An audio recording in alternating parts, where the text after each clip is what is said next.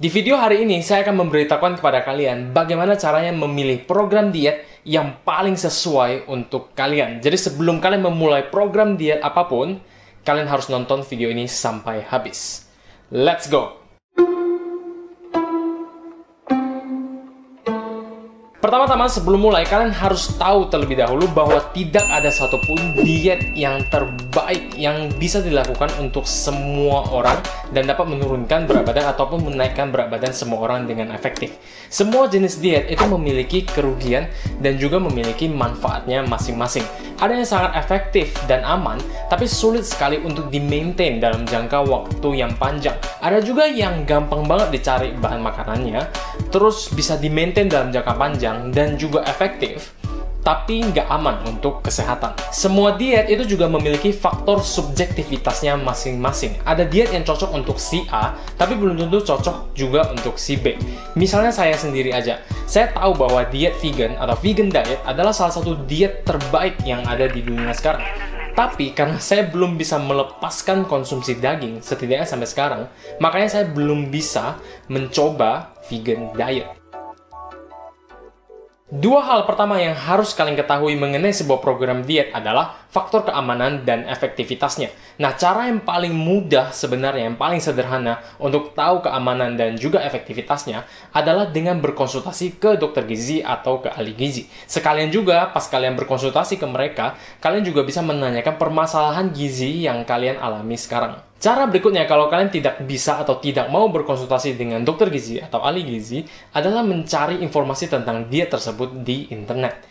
Permasalahannya ada banyak sekali informasi di internet, ada yang benar, ada juga yang salah. Jadi gimana dong caranya untuk mendapatkan informasi yang benar tentang program diet tersebut? Nah, salah satu cara yang paling baik yang bisa kalian lakukan adalah dengan membaca jurnal ilmiah yang dihasilkan dari penelitian-penelitian yang mendalam tentang diet tersebut. Bukan berarti juga semua jurnal ilmiah itu bagus loh ya. Jurnal ilmiah itu berdasarkan penelitian. Penelitian-penelitian yang dilakukan oleh manusia. Dan manusia itu juga rentan terhadap kesalahan. Kadang ada penelitian yang kurang tepat. Ada juga penelitian yang kurang efisien dalam pelaksanaannya. Ada juga hasil dari penelitian yang agak-agak bias yang hasilnya kurang bisa dipertanggungjawabkan. Jadi ada banyak sekali faktor yang dapat mempengaruhi uh, kualitas dari sebuah jurnal ilmiah. Nah, saya sendiri juga masih belajar membaca dan menilai sebuah jurnal ilmiah. Jadi saya nggak bisa, saya belum bisa sih lebih tepatnya memberikan pedoman untuk membaca dan menilai jurnal ilmiah. Mungkin nanti kalau misalnya saya sudah lebih ahli, saya sudah lebih paham tentang masalah ini, saya akan buatkan videonya untuk kalian. Selain menggunakan jurnal ilmiah, kalian juga bisa mendapatkan informasi mengenai diet tersebut dari sumber-sumber lain di internet, seperti misalnya artikel-artikel di website, blog post, artikel-artikel berita, dan lain sebagainya. Satu tips yang bisa saya berikan untuk kalian, kalau kalian mau menggunakan sumber-sumber ini sebagai referensi adalah kalian jangan hanya membaca dari satu sisi aja, terutama blog-blog atau website-website yang mempromosikan diet tersebut.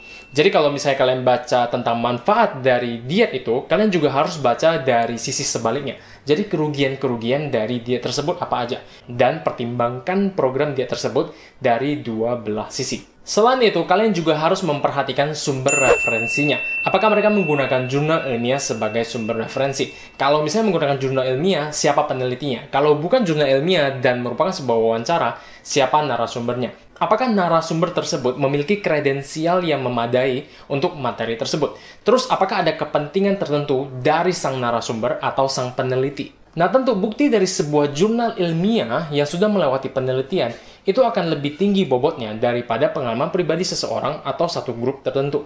Kalau misalnya saya sendiri bilang bahwa diet X itu adalah diet yang jelek, tidak efektif, tidak sehat, tidak aman, tapi bukti-bukti dari penelitian-penelitian yang ada sudah banyak sekali itu mendukung diet X. Maka lebih baik kalian mempercayai hasil-hasil penelitian tersebut daripada saya.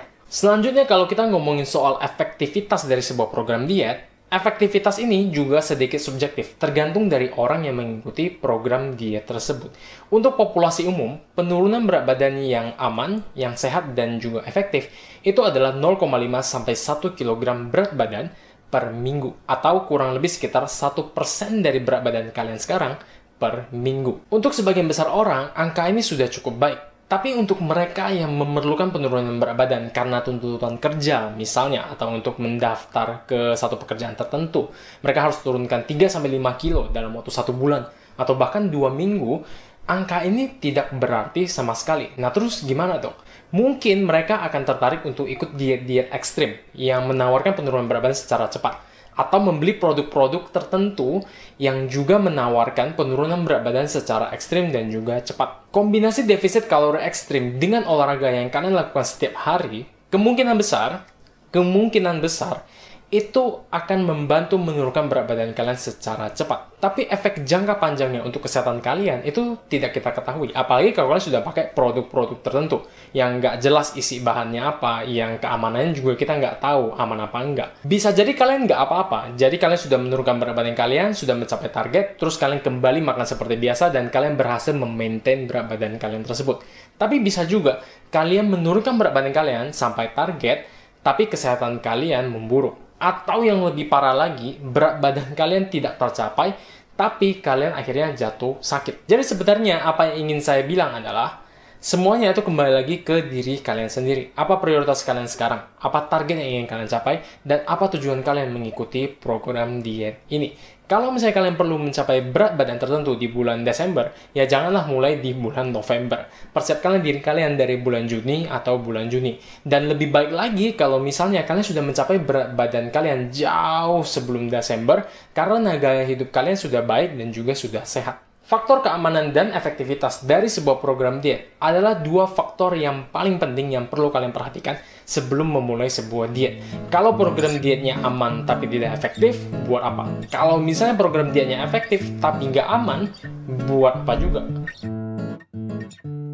Hal berikutnya yang perlu kalian ketahui sebelum memulai sebuah program diet adalah tujuan atau target kalian mengikuti program diet tersebut.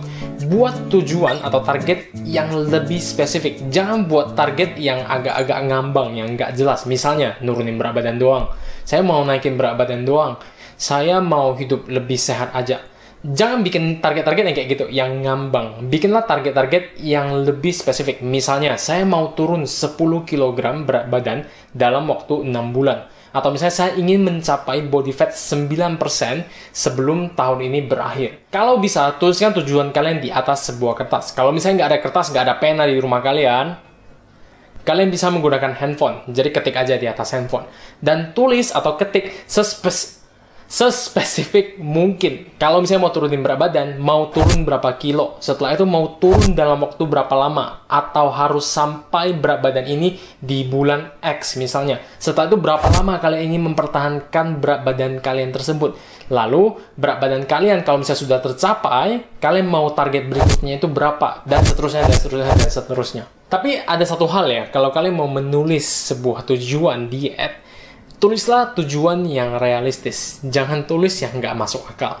Kalau misalnya kalian sekarang itu masih makan sembarangan, nggak pernah olahraga, body fatnya masih di atas 20%, terus kalian tulis tujuannya mau dapat six pack bulan depan, jangan ngarep. Bukannya saya mau menghancurkan cita-cita, mimpi, dan impian kalian ya, but come on, buatlah tujuan yang lebih realistis, yang lebih mungkin dicapai. Kalau kalian masih jarang sekali berolahraga dan makannya juga masih sembarangan, buatlah tujuan yang lebih realistis, yang lebih mungkin dapat kalian capai.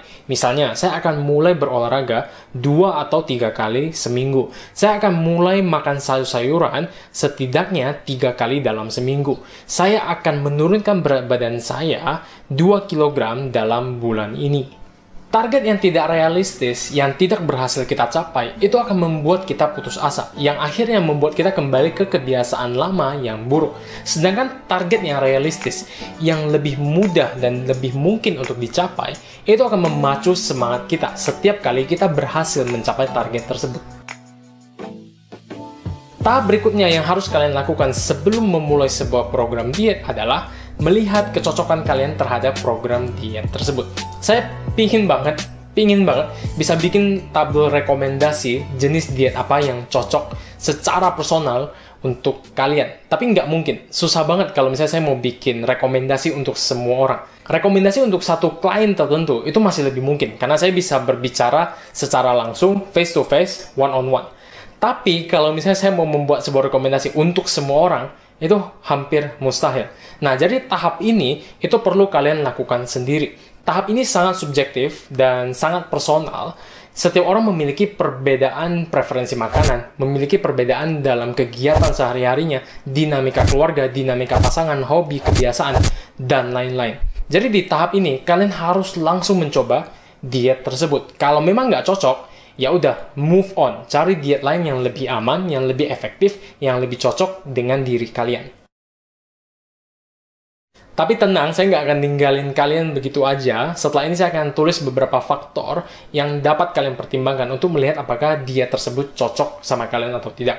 Cuman nggak akan saya bahas karena saya takut videonya nanti kepanjangan. Jadi cuma akan saya tulis saja. Nanti setelah ini kalian bisa post, habis itu kalian bisa screenshot. Kalau misalnya kalian screenshot terus kalian merasa bermanfaat, terus kalian mau share di Instagram misalnya, kalian bisa langsung mention ke Instagram saya. Nanti saya tulis di sini. Cing cing. Cing cing.